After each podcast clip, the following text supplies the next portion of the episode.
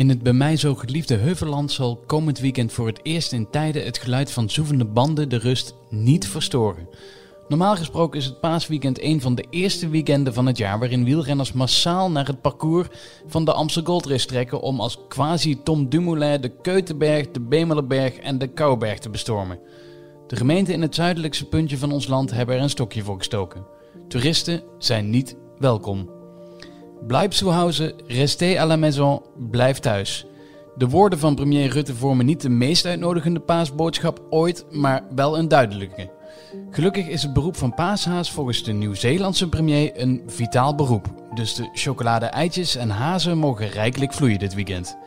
In Achter het Verhaal praat ik, Kevin Goes, vandaag met Sander van Meersbergen over de anderhalve meter samenleving, met Carlijn van Houwelingen over de Verenigde Staten en gaan we met een baktip van Ellen en Hollander vrolijk Pasen vieren. Thuis. Het begrip werd afgelopen weekend geïntroduceerd, de anderhalve meter samenleving.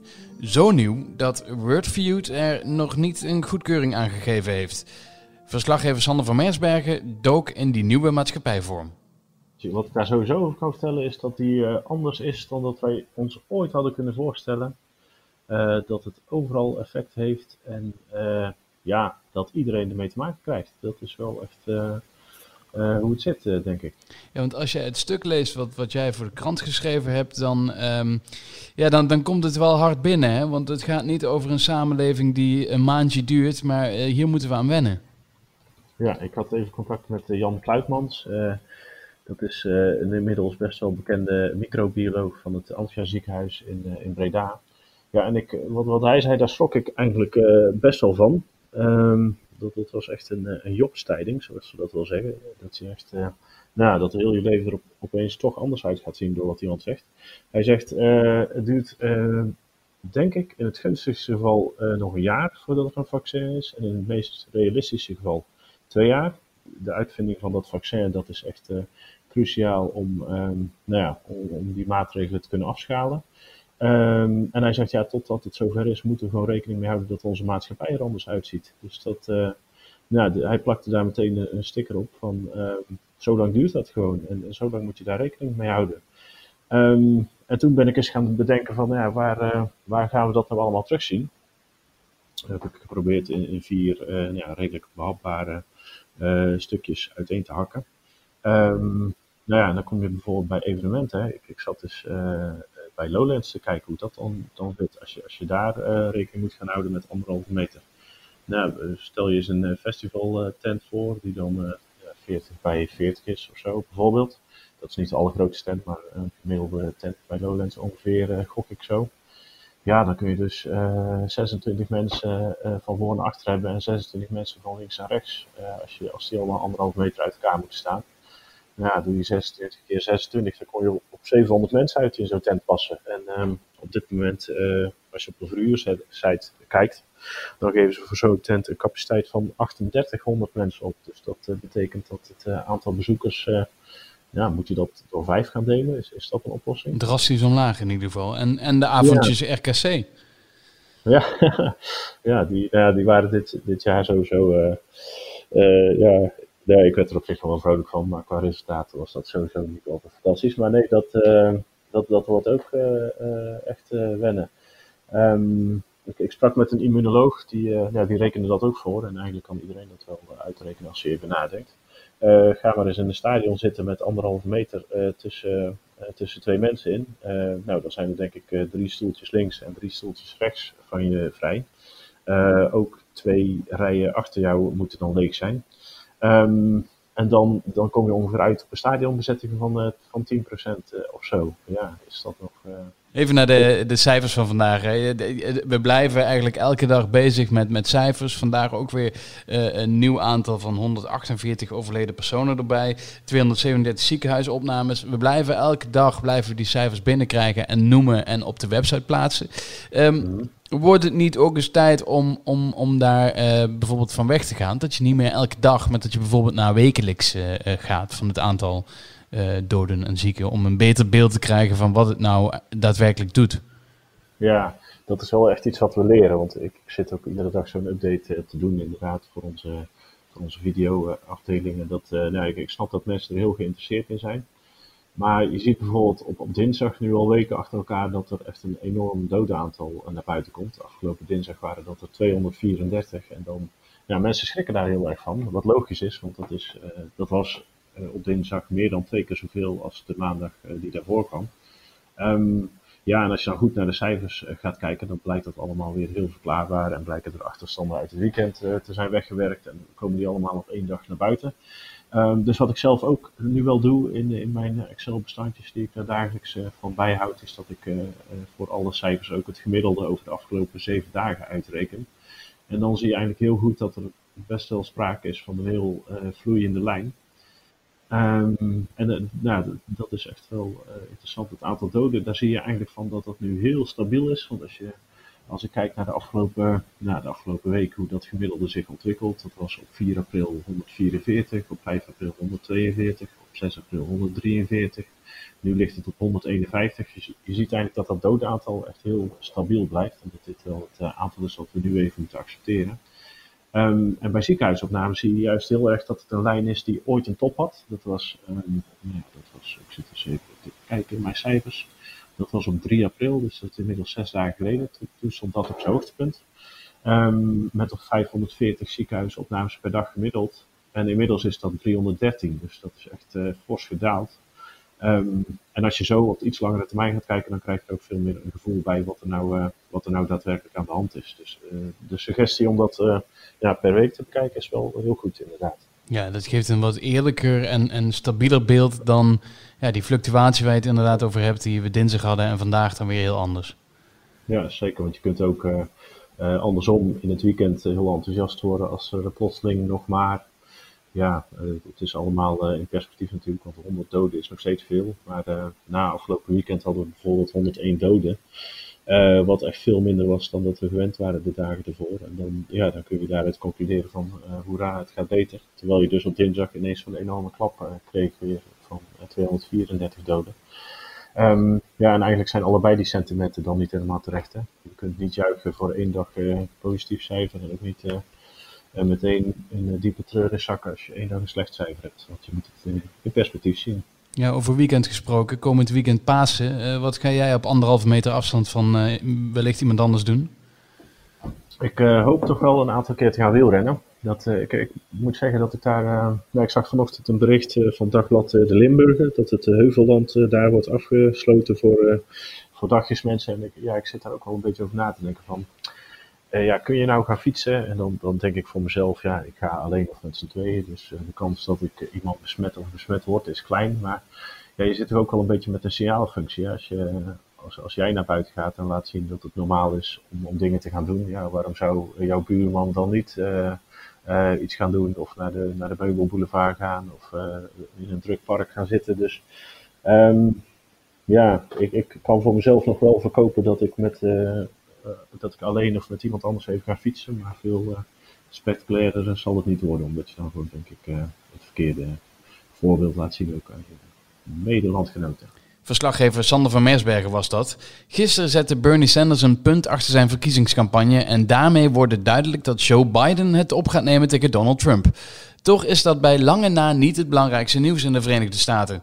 Het dodental en het aantal besmettingen loopt daar gauw op. Vooral in de stad New York, waar correspondent Carlijn van Houwelingen zit. Het duurde even voordat dat allemaal uh, uh, echt duidelijk werd. Ik uh, was toevallig vorige maand even in Nederland en moest hals over kop terug omdat de grenzen gesloten zouden worden voor Europeanen. En ik kan me goed herinneren dat ik hier aankwam in New York. Dat was 13, 14 maart dat ik hier ehm, terug was. En dat de burgemeester op tv nog zei van nee, we hebben wat gevallen, maar dat betekent niet dat we niet meer uit kunnen gaan bijvoorbeeld. Dus ga vooral uit eten. Ga uh, drinken met je vrienden. Uh, houd afstand en zorg dat, je, nou, dat er niet te veel mensen in, uh, in die restaurants zijn. Dat, dat werd op een gegeven moment het advies. maar alles bleef open. En ik had toen al heel erg sterk het idee dat dat niet houdbaar was. Want ik kom natuurlijk net uit Europa waar we ja, veel gevallen zagen en ook veel stevige maatregelen. Dus het, het leek me onverstandig. En daar is New York inderdaad toen ook wel vrij snel op teruggekomen. Um, en inmiddels uh, hebben we inderdaad um, duizenden doden.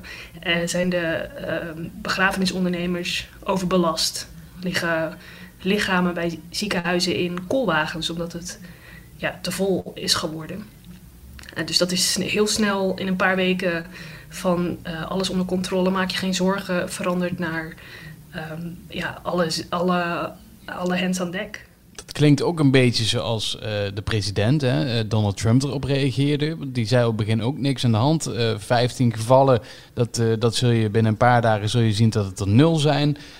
en nu heeft hij het over honderdduizenden doden, heeft hij het eigenlijk. Dus ehm, die switch is niet alleen maar bij een burgemeester, maar ook bij de president. Hoe wordt daarop gereageerd in de VS? Inmiddels is iedereen er wel van doordrongen dat, dat Trump daar gelijk heeft. Dat, hij, um, dat er inderdaad mogelijk tienduizenden doden kunnen vallen. Maar toen Trump volhield dat alles onder controle was en dat het als een wonder zou dat virus uh, weer verdwijnen. Toen dachten veel mensen uh, met hem dat het niet zo heel gevaarlijk was en dat we ons druk maakten om niks. Dus je zag een hele duidelijke splitsing tussen aanhangers van Trump, meer republikeinse uh, burgers die um, het overdreven vonden dat op een gegeven moment in New York de scholen dichtgingen, de restaurants dichtgingen en dat andere staten ook zulke maatregelen namen. Uh, en democraten uh, vonden dat wel een goed idee, omdat zij meer naar de wetenschappers luisterden en minder naar de president. Dus um, je ziet een heel grote politieke kloof in hoe, hoe Amerikanen reageren op dat virus. Vooral in het begin. Inmiddels is dat wel wat bijgesteld, omdat dus ook vanuit het Witte Huis nu um, uh, absoluut ja, sombere voorspellingen komen. Uh, en dat, dat dus, uh, je ziet in peilingen dat nu inmiddels eigenlijk iedereen er wel van overtuigd is dat dat virus een gevaar is. Maar dat wordt hem dus niet extra kwalijk genomen, die eerste manier van reageren? Oh, absoluut wel. De, um, uh, zeker dus aan de kant uh, waar mensen toch al geen fan zijn van Donald Trump, uh, wordt hem verweten dat hij de crisis verergerd heeft. en er zijn ook absoluut redenen om te denken dat hij het heel verkeerd heeft aangepakt. Door inderdaad in het begin eigenlijk te ontkennen dat het een, een groot probleem was. er zijn maatregelen genomen om te gaan testen, maar die waren onvoldoende. Het werd heel traag, kwam dat op gang. Um, het verdelen van medisch materieel naar ziekenhuizen kwam heel traag op gang. Uh, en is eigenlijk nog steeds iets wat Trump bij de verschillende staten legt. Uh, en vanuit die staten, vooral New York, komt heel veel kritiek op Trump en zijn regering. Uh, omdat zij het gevoel hebben dat ze aan hun lot zijn overgelaten. En dat ze nu tegen elkaar moeten opbieden. California tegen New York bijvoorbeeld, om aan materiaal te komen. en dat wordt absoluut wel degelijk de president kwalijk genomen. En voor wie is het dan nou positief? Kun je dat zeggen? De, de meningen zijn erover uh, verdeeld. Er is natuurlijk veel kritiek op uh, hoe Trump dit aanpakt. Je ziet ook in, uh, in peilingen dat hij van een meerderheid van de Amerikanen inmiddels de klacht krijgt dat hij niet voldoende actie heeft ondernomen. er zijn ook wel mensen die denken dat het juist in zijn voordeel kan werken als Amerikanen zich bedreigd voelen in een crisistijd gaan ze op zoek naar een, um, een dominante leider die hen belooft te beschermen, is een theorie. Daar zou Trump van kunnen profiteren. Je ziet um, in een peiling die uh, deze week bekend werd dat Amerikanen aangeven dat ze Barack Obama, de vorige president, meer vertrouwen met deze crisis. Maar dat ze Trump meer vertrouwen dan Joe Biden. Um, dus het wil niet zeggen dat dit nou per se uh, zijn kansen op herverkiezing helemaal wegvaagt. Hmm.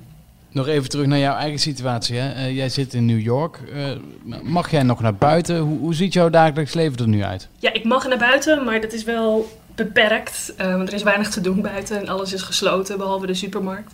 Dus mijn dagelijkse uitje is een beetje de supermarkt. Dan probeer ik dat ook te beperken en niet elke dag te gaan zoals ik normaal doe. want ja, er komen natuurlijk veel mensen bij elkaar en je weet dat niet iedereen die dat virus bij zich draagt daarvan op de hoogte is. Um, dus ik ben veel thuis. Mijn werk bestaat natuurlijk deels uit ja, interactie met, met mensen. Uh, en dat probeer ik zoveel mogelijk uh, online te doen of uh, telefonisch. Um, maar ik ontkom er ook niet aan om de straat op te gaan af en toe. Um, en dan draag ik een mondkapje, ben ik extra voorzichtig.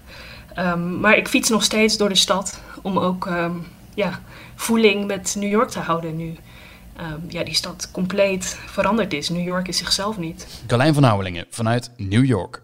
Zijn we bijna aan het einde gekomen van uh, deze aflevering van Achter het Verhaal. Uh, maar net als vorige week heb ik Ellen den Hollander van de sectie Koken en Eten gevraagd om een uh, leuke tip te geven om te bakken. En we hebben natuurlijk het paasweekend voor de deur, Ellen. Dus neem ik aan, of hoop ik eigenlijk, dat, dat het een, een, ja, een baktip is die iets met Pasen te maken heeft. Ja, natuurlijk. Ik uh, kan natuurlijk niet uh, Pasen ingaan zonder uh, iets paasachtigs te bakken. Um, ik heb een tip gekregen van Rutger, Rutger van den Broek, die heel Holland bakt. Um, heeft gewonnen in 2013 alweer. Die heeft een hele serie van bakboeken geschreven. En um, in zijn makkelijke bakboek, daar staan rozijnenbroodjes. Nou, super makkelijk en zijn zo klaar. Nu zag ik vanmorgen al op Instagram dat jij al uh, begonnen bent. Witte donderdag. Je mag dus nu al uh, de paasbak uh, tips uit, uit het boek halen. Het, het, zag er nog een beetje, nou ja, nog, nog niet heel erg lekker uit. Maar dat wordt denk ik wel. nou, ik heb ze net uit de oven gehaald en ze zijn nu een klein beetje afgekoeld. Ze zien er anders uit dan, nou ja, krentenbollen. Maar ja, heel erg lekker moet ik eerlijk zeggen. En ik, het is de eerste keer dat ik dit recept probeerde en uh, het valt absoluut niet tegen. Ja, en waar kunnen we het vinden? Uh, in het makkelijke bakboek. Ja. En uh, de tip staat ook bij ons op de site, hè? Ja, die ga ik er zo opzetten. Er is één ding wat je moet, moet weten als je dit gaat bakken. Het is ontzettende plakboel. Dus um, nou, volgens mij is het hartstikke leuk om het uh, met je kinderen te doen. Of uh, met je partner. Want dan zit je voor de rest van het uh, paasweekend aan elkaar vastgeplakt. Maar wat ook belangrijk is om te weten. Is dat je het echt die ochtend moet bakken. En niet de dag ervoor. Want de volgende, de, ze zijn super lekker op de, als ze vers zijn. Maar de dag daarna zijn ze kei, keihard. Dat is een hele goede tip. En als je wil zien hoe het in elkaar gezet wordt, hè, van begin tot einde, moeten we even op jouw Instagram, in je, je Insta stories kijken. Ja, ik zal ze ook delen bij Koken en Eten. Dat was Ellen den Hollander met een uh, leuke baktip voor het paasweekend. In het paasweekend kun je natuurlijk ook al onze vorige afleveringen terugluisteren. Doe dat via Spotify of via Apple Podcast. Ik ben er na de Pasen weer. Uh, prettige dagen.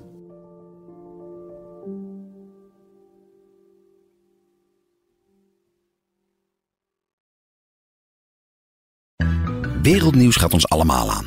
Maar als het nieuws gaat over je stadje, je buurtje of je straatje, dan voel je, dit raakt. Daarom lees je in het AD alles over het nieuws in de wereld, Nederland en jouw regio. Download nu de AD-app en mis nooit wat voor jou belangrijk is. AD, altijd dichtbij.